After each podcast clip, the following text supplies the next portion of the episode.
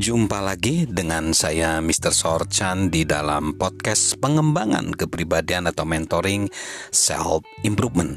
Saat ini kita masuk di pertanyaan-pertanyaan kesadaran diri. Kita tiba di pertanyaan ketujuh. Apakah kebiasaan terbaik saya? H.P. Liden, pemimpin dari St. Paul Church di London pada tahun 1800-an pernah mengatakan gini apa yang kita lakukan pada beberapa peristiwa besar akan tergantung pada siapa kita sebenarnya.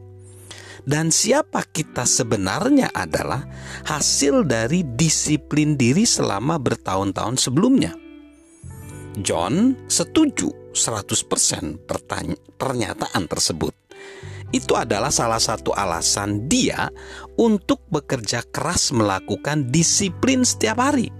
Dia percaya bahwa rahasia sukses dari orang ditemukan dalam agenda hariannya. Mungkin nilai terbesar dari mengajukan pertanyaan di bidang ini pada diri sendiri adalah bahwa itu menyingkapkan kelemahan dia dalam hal disiplin untuk kesehatannya. Membangun kebiasaan makan yang baik telah menjadi pergumulan John seumur hidup, dan dia tidak berolahraga secara teratur sampai dia menderita serangan jantung. Hingga saat ini pun dia masih berusaha keras mencoba bertumbuh di bidang ini. Lalu yang kedelapan, apakah kebiasaan terburuk saya? Tidak diragukan lagi.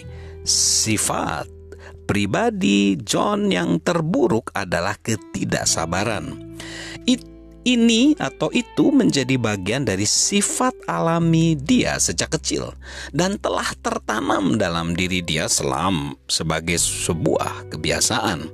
Sewaktu dia masih anak-anak, kami mereka biasanya mengunjungi kakek daripada John yaitu Maxwell. Dan selalu ketika mereka berada di sana, kakek menyuruh John dan brothersnya bernama Larry untuk duduk di dua kursi dan berjanji untuk memberikan kepada mereka uang receh bila mereka mau duduk diam selama lima menit. Larry selalu mendapatkan uang recehnya dan John tidak pernah, tidak sekalipun. John telah belajar bahwa ada hal-hal dalam hidup ini yang menuntut menuntut dia untuk bekerja supaya dia mendapatkannya, dan ada hal-hal lain yang harus dia tunggu. Dia masih harus berusaha bertumbuh dalam hal menunggu. Dia menduga ini akan menjadi target dia hingga dia meninggal. Yang kesembilan, apakah yang paling memuaskan bagi saya? Hal yang paling John sukai adalah berkomunikasi dengan orang lain. Saat berkomunikasi, dia tahu bahwa dia berada dalam zona kekuatan dia, dia merasa paling puas dan dia memberikan pengaruh yang besar. Setiap kali dia melakukannya ada perasaan jauh di dalam lubuk hatinya untuk mengatakan, "Aku diciptakan untuk ini." Pada awal karirnya John, mengetahui bahwa komunikasi memuaskan bagi dia, mendorong dia untuk menjadi pembicara yang lebih baik. Karena pada saat itu dia tidak terlalu baik di bidang tersebut. Selama lebih dari 10 tahun, itu adalah salah satu bidang yang sangat dia perhatikan dalam kaitannya dengan pertumbuhan. Hingga hari ini, John masih terus berusaha bertumbuh sebagai seorang komunikator. Tetapi nilai yang dia terima dari mengajukan pertanyaan ini sekarang adalah bahwa ini membawa dia untuk memusatkan perhatian, sehingga dia terus melakukan apa yang memberikan nilai paling besar bagi orang lain dan bagi diri dia sendiri. Pertanyaan yang ke-10, apakah yang paling saya hargai? Tidak ada yang John hargai lebih tinggi daripada iman dia. Itu membentuk nilai-nilai hidup dia. Itu menuntun tindakan-tindakan dia.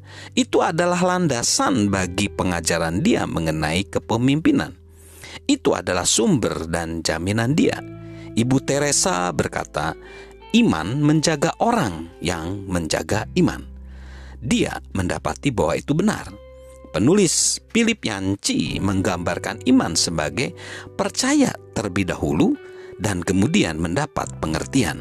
Memiliki iman dan mengenali nilainya dalam kehidupan dia membantu dia untuk memiliki sudut pandang ilahi setiap hari. Dia menumbuhkannya karena dia mudah sekali untuk menyimpang keluar jalur. Sepuluh pertanyaan sebelum benar-benar dia ajukan pada diri sendiri untuk mendorongnya merenung dan membantu dia untuk bertumbuh dalam bidang kesadaran diri.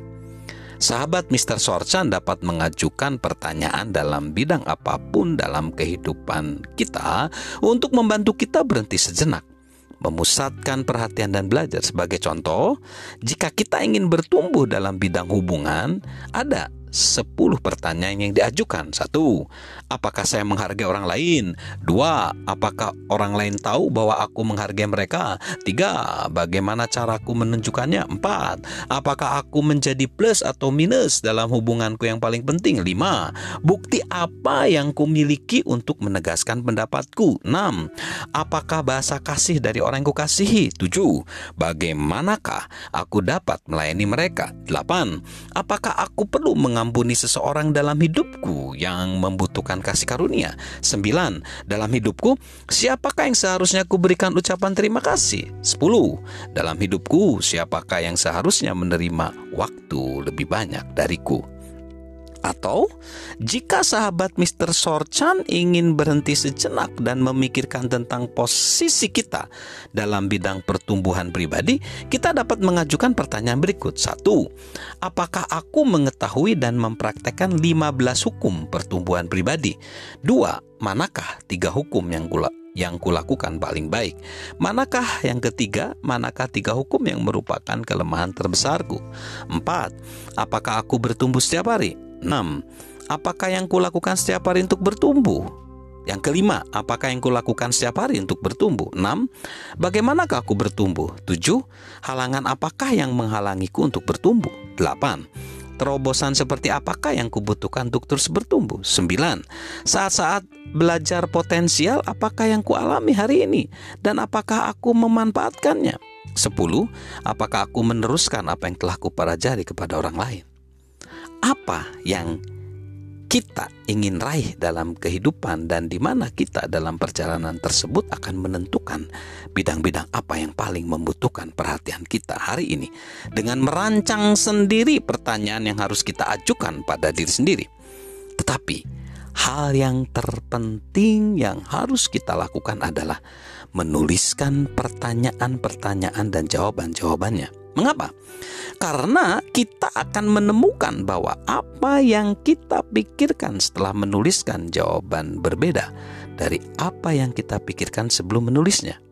Menulis membantu kita untuk menemukan apa yang benar-benar kita ketahui, pikirkan, dan percayai. Salam untuk terus meningkatkan kesadaran diri, salam untuk bertumbuh dan meningkatkan potensi diri. Salam sehat selalu dari saya, Mr. Sorchan.